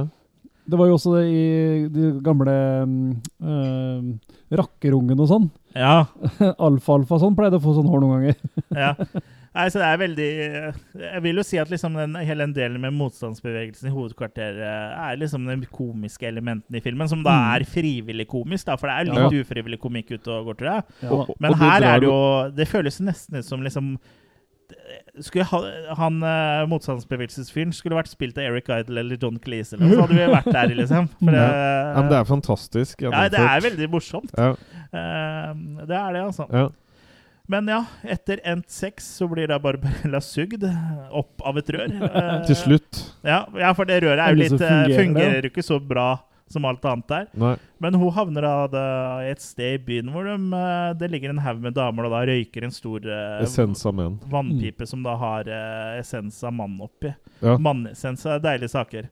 Det er, du sitter jo faktisk og røyker litt mannesens du, nå, du gjør ikke det, Jørgen? Eller Mannsens. du snuser mannesens. Ja. Han, donerer litt mannesens. Ja. Stemmer. Ja, det, det er han vel ikke alene om. Ja, med ekte kjønnshår. Men Barbarella hun klarer å være her i nøyaktig fem minutter før hun igjen da blir kidnappa av høyrehånda. Ja, hun er jo jævla bra. agent. Hun er jo flink til å bli kidnappa. ja. Ja. kjempebra. Mm. Eh, han tar og setter henne da i, i en annen av hans torturmaskiner, Det her er jo på en måte høydepunktet. ja, som da ligner et orgel. Ja. Og hun er jo da fang, har, er jo omslutta av dette orgelet, og han skal jo da spille på tangenten hennes. Eh, og det orgelet skal jo da få Barbarella til å dø av nytelse. Ja. Så det er jo litt av en måte å dø på. Det er akkurat sånn som i, i The Spanish Inquisition med Monty Python. Ja. 'Bringing the comfy chair'. Det er torturredskapet sitt, tenker jeg. Bring in the comfy chair! Eh, men det han Hun eh, tåler jo mye. det, Ja, nettopp. For det han eh, høyrehånda ikke har tenkt på, er at dette orgasmeorgelet Det har aldri møtt noen med Barbarellas seksuelle appetitt før. Nei. Så ender det jo med at Barbarella dreper den maskinen. Ja. Og etter at uh, Barbarella da har fått sitt, og maskinen har eh, gått ad undas Uh, og han uh, går frem og tilbake og banner blir- over ja, hva slags ja. umoralsk menneske hun er. Og han er jo sur for at hun ikke døde. Ja. Uh, så oppdager jo hun da at Duran Duran-detektoren har gått av. Mm. Så høyrehånda er dør, dør, Duran Duran. Men han er jo minst 30 år eldre enn det Duran Duran egentlig er. Hvorfor, lurer da Barbarella. Og det eh, kan jo Duran Duran fortelle at det er pga. livsstilen han har levd i Sogo, at det blir sånn når man mm. er så ond som han er, da. Da grånes du. Så jeg tar jo på å være ond, da. Man Jeg, jeg, jeg tenker kanskje at det kunne forklart enda litt bedre, for det må jo være den der matt, eh, mattmosen som på en måte trekker ut livsessensen når du er ond, vil Men jeg hvorfor tenke. farger han ikke da håret? Sånn som du gjør. Mm. Blått. Ja. og Sånn. Jeg vet ikke, kanskje det ikke er så mye hårfarve på Sogo. Nei. Hvis du har sett bilder av sånn som Alistair Crowley og sånn, som var de der eh, originale Church of Satan-medlemmene og sånn, Ja. ja, de så ikke så unge ut, dem heller. Nei. Så lever du livet ditt for ondskap, så, så, så blir du Du blir prega. Ja, blir Ja, det er derfor vi har sånn eh, glatt, flott hud og Jepp. Vi er snille gutter. Vi er snille gutter. Mm. Vi eh, Vi er ikke noe for Matmos. Nei. ser mer på Barbarella vi enn på Matmos, ja. Ja. Mm. eh, Matmoms, eh, matmoms er vi for. Matmons er noe Ja. annet. Da får du også strekt skinn. Ja. Ja. Pølse, ja, det har vi. Strekt pølseskinn. Mm. Eh, men Duran Duran da, han finner ut at Barbarella har den ene nøkkelen til tyrannens drømmekammer. Og bruker da denne til å låse opp eh, den usynlige døra, kaster Barbarella inn der. Og Ja. låser de begge inne, for han tar jo da nøkkelen som ligger på en pute der inne. Og Da går det jo ikke an å komme ut igjen, for da har jo han begge nøklene på utsiden. Og det er jo selvfølgelig ikke noe eh, håndtak eller noe sånt på innsiden I av så, fall, I så fall så er det usynlig, se. Ja. Eh, men eh, ja, så han skal jo da ta over Sogo. Ja. Men før han da liksom rekker å krone seg selv som den nye Ja. tyrannen Det angriper de der eh, Jeg kaller dem villmennene. Ja. Ja. De som bor i labyrinten. Ja, labyrintfolka og motstandsbevegelsen har jo da gått sammen for å styrte Duran Duran, da. Ja. Vet Men- dere hvordan labyranten kom seg gjennom labyrinten? Mm. Han labyrinten. Ja. Ja. Far, farmorvits. ja. Hei til farmora til Jørgen. Tenk om vi fikk svar nå. Ja, jeg for hun er død? Ja. ja. Ja, Det hadde vært uh, artig, det, da. Ja. Eh, det kan jo hende at vi ikke hører det, men at jeg er på opptaket. Ja, stemmer. Mm. Den sånn den Ja, husker stemmer, ja. Mm. Jeg husker ikke hva den filmen hette. Han som spilte piano og sånn. Eh, Ray Charles? Nei. Nei, jeg vet heller ikke hvilken film du mener, men uh, kanskje det kan være en konkurranse. Jeg vet jo White Noise. Nei, det er uh, Ja. Uansett. Stort sett alle spøkelsesfilmer. Ja, Så er det opptak etterpå. ja. Duran, Duran Ja, alle, alle spøkelsesfilmer har jo blitt gjort opptak på. Det har ikke vært livesendinger. Nei, det redigeres etterpå. Erigeres. Duran Duran bruker den positroniske strålen sin han på motstandsfolka og mm. labyrintfolka. Og da bare lyser det opp sånn grønt, Ja. og så forsvinner de. Inn For i fjerde dimensjon. Ja, nettopp. Og han setter jo også Matmos fri. Det skjer veldig mye de siste minuttene. her, Så det, det. er nesten litt sånn som det er sånn forhasta, for det er litt sånn vanskelig å følge med. Men han setter jo da også Matmos fri, som absor absorberer alt som da kommer eh, sin vei. Så det virker jo liksom et desperat sin desperat forsøk, da, for ha- den absorberer jo også Duran Duran. Mm. Så han blir jo på en måte det, Kanskje det er det som er moralen, da. Ved at ondskap liksom Da går jo det, eh, Er du ond, så skaper du på en måte ditt eget Demise. demise. Ja. Sånn som Ja. jeg forsto det, så sier hun eh, dronninga tyrannen at, eh, hun, at han eh, Duran Duran har glemt at eh, hun har mulighet til å gjøre ting innenfra. Ja. Og det er jo frigjøre Matmosen. Og da går Ja, det er hun som eh, frigjør den, ja. bad Ja. shit. ja, jeg trodde det var han som frigjorde den. jeg. Nei, det er hun som gjør det. Ja. Men som Stemmer sagt det. så er de litt sånn rotete på slutten der. Ja. Så det er litt vanskelig å henge med. Men eh, ja, det gir jo litt mer mening, da. Mm. Eh, men Pygar, da han, eh, har jo, han skulle jo bli ofra til Matmosen tidligere i filmen, men Mm. han var jo for god. Så han eksisterer jo og swooper da ned og redder Barbarella og tyranndama. da. Jeg vet ikke helt åssen de kommer seg ut av det. Det får vi heller ikke noe forklaring på. Nei, den bare er ute. Men kanskje det ikke er noe tak der? da? At man kan svope ned ovenfra? Uansett, han svoper de ned og redder Barbarella og hun tyrantdama og flyr av gårde med de. Og Barbarella lurer da fælt på hvorfor han da velger å redde denne kvinnen da, som har prøvd å drepe han, Mm. og som i tillegg har ødelagt hele planeten da, ved å slippe den matmosen eh, fri. Og hun har jo ikke levd et uh, godt liv sånn heller, ellers heller. Hun er jo egentlig ond, selv om hun Mm. på en måte var god på slutten. Mm. Og da svarer han at uh, en engel har intet minne. Og så flyr de av gårde Inn i på, inn i bakproduksjonen. Og Og så det, er det er jo jo da en fantastisk replikk, da, for at han husker på å redde dem. Han vet uh, sånn, hva han skal gjøre, men han husker ikke at han har blitt gjort ondt mot av Ja. andre. Nei, så det er jo veldig så selektiv hukommelse. Ja. Men det er jo litt sånn kanskje sånn, eh, er sånn fornektelse, da. Sånn som hvis du har uh, dårlig oppvekst og blir mishandla, så at du fortrenger minnene litt. ja, sånn, Kanskje det er det som har skjedd. Ja. Eller så har hun bare ordlagt seg litt feil. For det kunne jo heller vært sånn at en engel bærer ikke nag. Nag, ja. Ikke eller sant? gnag, som de sier på Paradise Hotel. Og så tenker jeg også at Barbarella og Paigard er de to eneste som er urene eller uskyldige, på en måte, da. Ja, Barbarella er vel ikke helt Barella det? Brrr, Men nå er jeg digg, da, så da slipper ja. du liksom inn, unna med det beste. Barbarella-univers. Parbarella. Parbarella. Mm. Ja, og da er jo filmen uh, slutt. Mm. Så ja, det var jo en uh, artig liten sak, uh, dette her. Absolutt. Det er sånn jeg skulle ønske Flash Gordon var, liksom, i den gjennomføringa her. Ja, For for den er jo på mange måter litt sånn i samme stilen, på mange måter. Ja. Eh, Med alle disse forskjellige stedene de er, og litt sånn fantasi eh, Eller ikke bare litt, det er fantasiverdener, da. Mm. Eh, og det er jo Dino Di Laurentiis som er produsent for begge deler. Mm. Og hans motto var jo 'mest mulig for minst mulig'. Ja. Ja. Så han hadde jo veldig lite budsjetter ofte. Mm. Og- Men han krevde jo uh, veldig store sett, og du skulle, ja, du skulle få bang for the buck, da. Ja. Ja, det fikk du jo Mm. nesten.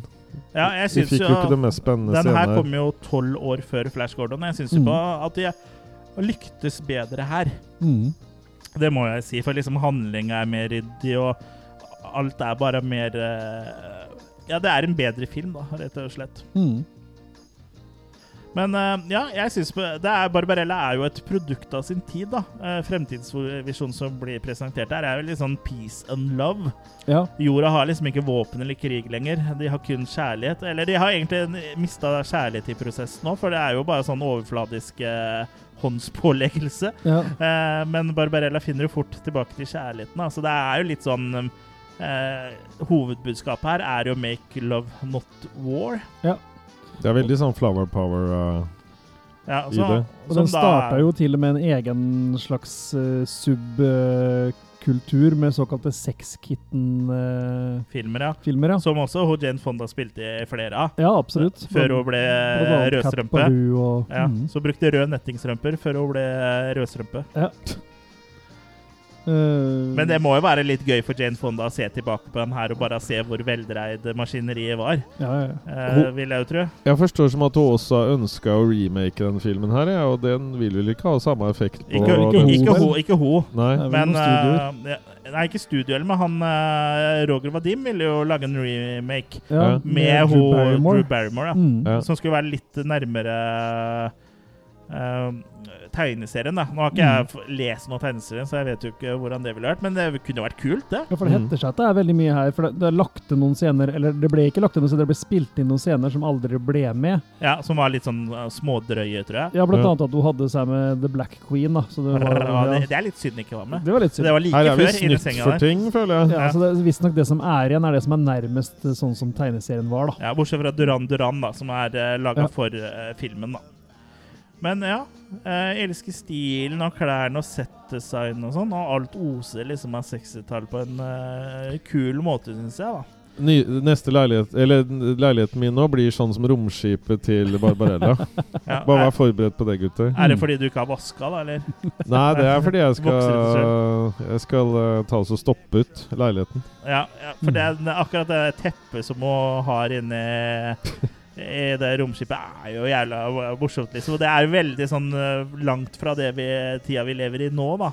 Mm. Eh, jeg syns jo det er veldig morsomt. Og så er det jo ikke til å stikke under stol at Jane Fonda er eye candy så det holder òg. Hun er jo utrolig pen Mm. Og sexy, og hun hjelper jo filmen en del ved å være rett og slett eh, deilig, da. Ja, For hun er jo ikke noe så veldig eh, smart her. Det er jo liksom Johnny English Go Space med, i Ja. damefigur. Ikke så klønete, kanskje, Nei, ikke så klønete, men hun, hun, hun gjør jo egentlig aldri noe hun, riktig. hun, hun gjør ikke noe for å drive handlingen fremover. Eh, Nei. det er liksom på en måte Det er litt sånn som Indiana Jones i den første Indiana Jones-filmen. ja, Uten Indiana Jones hadde du fortsatt fått den samme slutten på filmen. ja, ikke sant? ja, ja, ja, det er sant. Mm. Uh, men eh, ja, så er jo egentlig ikke noen sånn helt. Hun bare detter opp i forskjellige situasjoner og sånn. Men Ja.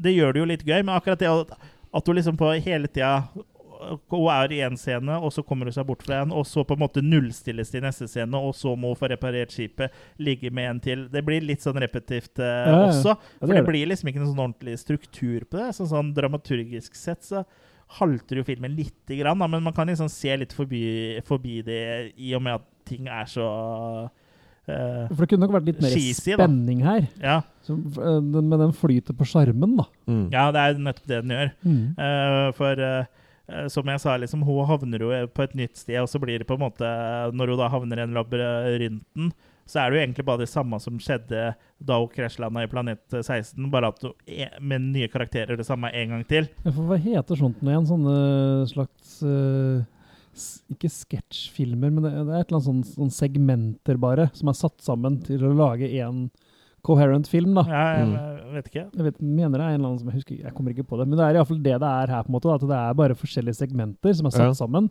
Ja. som, som uavhengig av hverandre kunne sikkert blitt uh, laga til egne filmer, da. Ja. Mm.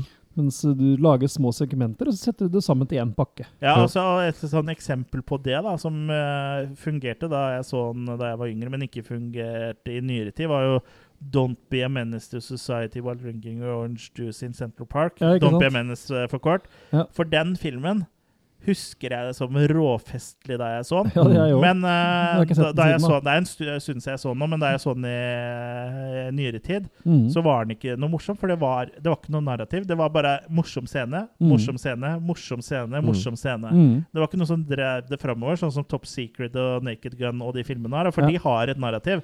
Ja hvis du tar bort uh, alle, alle jokesa i Naked Gun, så er det fortsatt en film der. Ja da. Uh, mens uh, Om, et, uh, om en litt tynn handling. Selvfølgelig men, tynn, men det er jo ja. veldig ofte òg. men det er nok den beste eksemplene på den type film jeg tenker på. da. At Ja. det er liksom, det drives videre av disse forskjellige segmentene. Ja, så Don't Mm. Be a Menace syns jeg ikke funka lenger. For det, liksom, det, ble, det var gøy, liksom. Men så Det er ingen handling i bakgrunnen. Nei, det er ikke, det er, det er ikke noe karakterene skal, eller noen ting. Nei. De bare eksisterer, på en måte. da. Og det er vel litt sånn det gikk med mye av disse crazy comediene hvert år. Etter hvert, ja. Ja. Ikke Semekis og Pat Proft og de folka der sine eh, filmer. De Gode, gamle. Ja, eh, Som Naked Gun og det nyere som eh, uh, Jaget bort Jeg husker ikke hva den het på engelsk. Men, og- Wrongfully Accused. Wrongfully accused ja, og Spy Hard og sånn. Og de har jo et narrativ. Mm. Men vi snakker jo Det er ikke crazy komedier det egentlig handler om her, men jeg, det er jo litt av det narrativet som på en måte mangler litt her, da, som gjør at filmen får litt sånn pacing-problemer. Mm. At det går litt på repeat, liksom. Ja, De litt kunne- stakkato. De kunne nesten brukt den uh, AI-en i romskipet, vet du, at den fortalte på en måte historien gjennom den. Ja, ja, ja. Det er rart ikke hun har en sånn der eh, ting hun kan kommunisere med romskipet sitt. Uh, slags sånn intercom eller noe Ja, for det romskipet har jo ikke så særlig stor rolle, bortsett fra når hun er inni det. holdt jeg på å si. Ja, for det setter så veldig stemninga i starten, syns jeg. Ja, det gjør. Romskip og sånn. Ja. Det er så jolly happy, og det er liksom så veldig Mm. sånn inni det med en gang. Det er det som jeg liker. Sånne AI-er skal jo liksom alltid ha sånn britisk aksent òg. Ja. Ja. Ja, sånn helt fra her da, i 1960 helt fram til Marvel-filmen òg, så var jo den AI-en eh, til Iron Man, da, som senere ble Mm. eh, Wish nå, er jo liksom sånn britisk eh, aksent. Ja, ja. Ja. Så det er, men det er jo liksom Kanskje fordi det, kanskje amerikanere syns at det høres litt mer intelligent ut. Det gjør jo det. But, What, Og what do you want, more?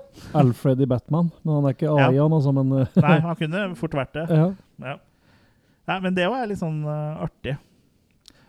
Men ja, eh, hva, hva syns vi om eh, Barbarella, folkens? Jeg, ja, jeg liker den eh, veldig godt. Den har på en måte Ja, jeg, jeg liker jo sånne damefilmer, holdt jeg på å si. Hvor det er litt sterke damer med i eh, filmen og sånn. Så, og, og den måten de har laga både interiør og design og alt sånt på, det er, det er liksom så, så det, det, Du blir glad av det. Er, det, er, det er morsomt. Absolutt. Samtidig at jeg også Jeg er jo stor Douglas Adams-fan, og jeg får også litt sånn eh, tanker til Ja, ikke sant? Ja, ja, ja. Jeg er jo veldig stor Mm. Douglas Adams-fan, så jeg, jeg syns jo meningen med livet er 42. Ja, ikke sant? Ja, så, så, så her på en måte bader de i et sånt uh, deilig univers som jeg på en måte får veldig fine stimuli av, da, for Ja. å si det sånn. Så jeg, jeg sitter her og godter meg. Jeg syns det var en meget fornøyelig film. Altså, det den, uh, tikker mange bukser uh, som ja, Bukser eller Bukser. bokser? bokser. Mm. Eh, med visuelt eh, fengende og uh, cheesy som fyr. Så what's not to like? Og jeg tror jo at godeste Douglas Adams så det her og ble inspirert. Ja, når er 'Hitchhiker's Guide to the Galaxy' fra, egentlig? Ja? Han skrev eh, den boka i 1979. Og så sent, ja. Mm. Oh, ja. Ja, Så så her hatt, er det Han har hatt tid på seg. Ja, Ja. absolutt. Mm. Han har sittet og sett på det her. Helt sikkert. Ja, Men en sterk hoved, eh, kvinnelig hovedrolle, det vet jeg ikke helt om hun er. Hun er jo bare en uh, puledokke, egentlig. Ja, ja, absolutt. Den er jo, det er jo, og det er derfor jeg sier det er jo helt motsatt av det Jane Fonda sto for senere, som var Ja. en gallionsfigur for eh, feminist, eh, feminisme og den kampen der. Eh, men det er klart, hun hjalp seg vel ikke sjøl med disse treningsvideoene, Nei. egentlig, kanskje. Nei, Hvis det ikke var sånn feminisme i form av at du skulle på en måte ta ansvar for egen kropp og fysiske og psykiske velvære, da, er eller noe sånt noe. Det Mm. kan jo ha vært noe sånt noe. Ja. Ja da, nei det Men eh, jeg likte det jeg så, jeg, for å si det sånn. Eh, ja, hva er det som gjør at du eh, likte det? Men som jeg sier, det er visuelt eh, kult å se på. Eh, det er lagt veldig mye i disse eh, kostymene her. Eh, både Barbarella sine, selvfølgelig, men også de andre karakterene. Blant annet Duran Duran går jo med en sånn Ser ut som han eh, fanger opp mat hvis, hvis han mister noe når han spiser han, så, så, så blir det fanga opp, for han har en Ja. slags sånn lomme En foran. svær rumpetaske, egentlig. ja. Rumpetaske foran. Og så over der så har han han latekshår. Han var jo i hvert fall tolv år eh, tidlig ute med den rumpetaska. ja, ikke sant? Mm. Altså, det er veldig mye artige set designs. Mm. Eh, det er, det, jeg vet ikke om det så så veldig troverdig ut den gangen heller. Nei. Men kanskje litt mer den gangen enn nå, jeg vet ikke. At folk hadde litt mer sånn Folk trodde jo Ja, på for- De som var skikkelig kule, hadde jo sånne der eh, pelsstuer, holdt jeg på å si. Jo, jo, Ja. jeg tenker bare sånn eh, at det så ut som utenomjordiske steder, dette her, liksom, for folk den gangen. Ja, det vil- Folk vil trodde jeg- jo på sånne store edderkopper fra outer space og syntes det var skummelt ti år Ja, og før. så Så, noen år senere, og så trodde de jo Bruce, Hyene Jaws, var ekte og turte Ja, ikke ja. å bade den sommeren og sånn, så jeg Ja, vil tro at det gjorde jobben der. ja, altså. jeg tro det. Men tenk så fantastisk i et parallelt univers som uh, Roger Vadim hadde laga Dune, liksom. Mm. Det er det samme parallelle universet hvor du ga eh, Alien uh, Stryk. Tre. Ja. Tre Makkis. ja. Nei, men det universet Som er jeg og Kurt kommer fra. Mm. Ja. For der har han laga Dune. Ok. Ja. Ja. Er den? Er den bra? Jeg husker ikke. Laga Dune på overleppa. Ja, Mm. Dune på overleppa. Ja. Men jeg syns det er artig at han, han tar seg ikke sjøl så tidlig heller. Nei, Og det, det hjelper. var, ja, og det Ja. tror jeg var ganske Den er kitsch, liksom. Det er det Ja, han vinner fram vet, på. den vet at den er kitsch, liksom. Jeg tror det var ganske Mm. unikt den gangen, det òg, egentlig. Jeg kan Ja. ikke sånn på stående fot huske at det Ja, for var de har jo laga en eh, sånn sci-fi eh, comedy romp, liksom. Ja, det er jo det. og den er liksom et produkt av sin tid, som jeg sier, og jeg syns jo at uh, greia med Peace and Love er liksom artig, og den passer jo Mm. bra til uh, at det er en 60 sci-fi-film, da. Med, og Jane Fonda er jo med på å gjøre det her til en Komplett. uh, komplett kultfilmopplevelse, da. Mm. Han figurerer jo ofte på sånne der mest fornøyelige bad movies-greier. Ja. fyller ut rollen sin. Men jeg vet ikke helt om jeg vil, er enig i at det er en så veldig bad movie. Han er laga sånn- sånn. Han er laga for å være sånn. Ja, og alle bad movies som er liksom sånn bad movies, er jo folk, ting som på en måte har hatt en bred release òg, da. Mm. Eh, og kasta mye penger i og sånn. For sånn som forrige film vi snakka om, 'Battlefield Earth', og er liksom kjent som en, en av de dårligste filmene ever. Og jeg har sett mye dårligere enn eh, den. Vi har jo sikkert eh, f- 50-70 episoder med filmer som er dårligere enn 'Battlefield Earth'. eh, Det er jo greit nok. litt katalogen vår. Det er jo greit nok, men der har de fortsatt gått inn for å lage noe de ikke har klart å lage. Ja, Barbarella så tror jeg de har fått til akkurat det de hadde tenkt. Mm. det Ja. tror jeg også. Mm. Mm. De har landa det Ja, perfekt. jeg, jeg tror ikke øh, noen syns den var dårlig i 1968 Den heller. Nei. Nei. En annen ting er at mange av dem som kanskje kritiserer den Battlefield Earth, har vel kanskje ikke sett filmer for, eller før 2000. Eller filmer generelt, Ja. ofte. Det er Mm. veldig mange Han har bare sett sånn mainstream-ting. ja, det er Ja. veldig mange som kaller uh, verdens dårligste filmer. Da har de ikke sett skikkelig dårlige filmer. Nei. Men Vi ja, kan ta dem i kurs. Ja. skal vi, har vi kommet dit hen hvor vi kaster uh, makier eh, for Barbarella? Og Mm. for nye lyttere, da. Jeg har jo sett Enkelte har jo latt seg forvirre av dette, men det er ikke noe mer avansert enn at makis er da i stedet for terningkast. Ja. Så seks makis, det er full pott, altså samme som terningkast seks. Mm. Til nipler. Ja. Det er jo det det er. Altså, det er så politisk ukorrekt at makis er jo da bryster. Mm. Ja. Og det er jo hvilken bedre måte å vurdere filmer på enn å gi de noe av det beste i verden. Og særlig Barbarella fortjener jo virkelig noen noen hadde sett med makis. Ja. Så ja, eh, kan ikke du begynne ballet, Kurt? Det kan jeg gjøre, vet du. Eh, jeg blir som sagt såpass underholdt. Den er ikke på noe som helst måte perfekt, og den har også litt sånn pacing issues som gjør at den kan være litt, nesten litt langtekkelig til tider. Mm. Men samtidig så det er jo bare fun, fun, fun. Eh, det er bare Ja. Jeg tenker en litt svak femmer, jeg. Tenker jeg vi lander på her. Ja, Man må jo også tenke at vi vurderer jo filmen for det den er, Ja, ja. og for det den prøver å være. For hvis du på en måte skal sette lista liksom på Gudfaren og Schindlers liste og sånne ting, så er det jo Det går jo ikke, for du kan Nei. ikke sammenligne alle typer Nei, filmer nei. mot hverandre. Nei. Jeg syns Barbarella er en sci-fi-klassiker, og jeg er en av de få sci-fi-filmene fra 60-tallet jeg liksom gidder å se på, egentlig, uten at jeg er så veldig bevandra akkurat der. Da. Men eh, ja, jeg syns den er underholdende, og jeg havner på makekast eh, fire. Mm. Ja, eh, jeg uh, syns den her er på en måte så nært perfekt som mulig i forhold til det jeg liker når jeg sitter og ser på ting. Mm. Eh, og det jeg trekker ned for, er slutten. Der syns jeg det kunne vært litt mer futt og fart. Ja, det går litt fort. Ja. De eh, stresser litt Fort, gjennom, fort liksom. og uoversiktlig. Her skal vi Mm. bli ferdig, er det jeg hører. Så hadde de klart å lande slutten litt bedre der, så hadde jeg gitt full pott. Det, nå gir jeg en eh, Maki fem. Mm. Ja. Så um, jeg vil jo si at Barbarella kommer rimelig godt ut av, av det da, med to femmere og en firer. Det er jo mm. ikke noe dårlig bragd, det, for Jane Fonda og hennes mannssjåvinistiske Barbarella. Mm. Og Roger Svagin, nei. Ja, Roger Vagin, ja. Nei, han heter Hun var Rogers Vagin. Ja, hun var eh, det, men han heter Roger Vadim. Vadim. Men, men jeg føler liksom at det her er en episode liksom mye sånn mynta på meg her, liksom. Som ikke er i noe fast forhold. Så var det liksom veldig trivelig av dere å velge den, syns jeg. Ja, vi, er, vi er i flytende forhold, vi. Nei da. Ja.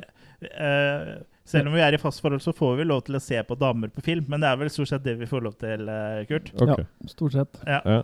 Så, lenge, Så lenge det så lenge vi gjør det sammen. Men de der halsbånda dere har fått nå, og sånn, er det noen ny mote, eller? De er fylt med matmos. Ja, Okay. Er fylt med matmos, ja. Ja. Og Madmons. ja, til matmons. Men uh, det var det vi hadde om uh, Barbarella. Uh, neste gang så skal vi snakke om en Ja, jeg vet ikke om det er en slasher, ja, men den er i hvert fall en del av Slasher Classics Collection fra 88 Films. Ja. Jeg har ikke sett den før, men det er eh, 10 to Midnight med um, Charles Bronson. Charles Bronson. Mm. ja. Ja. Så det er jo Er det Cannon? Nei. Det husker jeg faktisk ikke. Nei, men så, Det er nettopp derfor du kan høre på neste episode, så får du Mhm. svar på det. Ja. uh, Eh, Men det er i hvert fall en utypisk action-slasher, i hvert fall. ja. Mm Eh, Så det blir jo spennende. Eh, Og ellers frem til neste gang så har vi jo en YouTube-kanal eh, som du kan eh, sjekke ut. Ja. Eh, Prøver å legge ut litt innhold, eh, i hvert fall en gang i uka der. Ellers følg oss på Facebook og Instagram, og besøk oss også på attackofthekillercast.com. Du, eh, har du lyst til å si noe? Jørgen? Men er det ikke sånn på den YouTube-kanalen vår? Der må du trykke 'subscribe' før videoene starter? Ja. Er det ikke noe sånn du har lagt inn i kodingen Jo, der? du må trykke på abonner. Vi blir veldig glad hvis du abonnerer på YouTube-kanalen vår, så gjør det. Vi har hatt giveaways, eller én giveaway der. Eh, Det kommer jo flere òg, men vi må spre det litt utover, da. Så eh, det er veldig gøy med YouTube, og det er jo liksom sånn en bra måte å kommunisere og få kommentarer på sånn på innholdet og sånn. Så sjekk oss ut på YouTube, og bli også gjerne medlem av eh, eh, også på premium. Da blir det sånn som du får tilgang til eh, Killercast After Hours, som er vår uh, premiumpodkast. Ja, og så shout-out eh, Tage Plage, som eh, følger oss. Han svarte på venneforespørselen min og sletta han. Nei da. Eh, han, han vant eh, i den eh, Jeg kaller det tirsdagsvideoene mine. Ja, som den, den uka her kom på søndag. Jo, men for meg så var det bare en vanlig tirsdag. Ja, riktig. Eh, nei, men det som var greia der, at han, uh, han vant jo da når jeg siterte da Street Fighter uh, Branson Br Beeson, unnskyld. Bison, ja. M. Eh, Bison, ja. Bison. Eh, og han eh, kan forvente seg da en riktig god Quick Lunch og to eh, Blu-rays. Oi. Så det blir posta nå på mandag. Ja, da håper vi at du tar bilde av premien-taget og legger ut på Losers Club, som er communityet vårt, som jeg hadde glemt å nevne. Men det henger jo liksom litt sammen med Facebook-sida vår, så der er en knapp et eller annet sted eh, på den sida hvor eh, du kan da velge å bli med i communityet. Ja, Og så må du gjerne kjøpe varer hos oss. Ja, vi er på nettsida vår. Hvis du trykker på merch, så kommer du da til en webshop eh, hvor du kan kjøpe T-skjorter, postere, klistremerker, munnbind etc. Poser er veldig sexy på et par av de klærne der enda. Ja, du gjør Ja. det. Mm. Jeg tenker du på i posteren eller på den reklamebildene? reklamebildene? Ja, der poser du veldig sexy. Ja, Mm. vær litt uh, ba, ba, Ikke hold noe i hendene eller et eller annet sånt når du går inn på det, for kanskje du glepper et glass eller et eller annet sånt. Så ta det litt sånn rolig der. Ja. Yes, men eh, da blir det altså 10 to midnight uh, neste gang, folkens. Så fram til det, så ha det riktig så bra. Ha det! Ha det!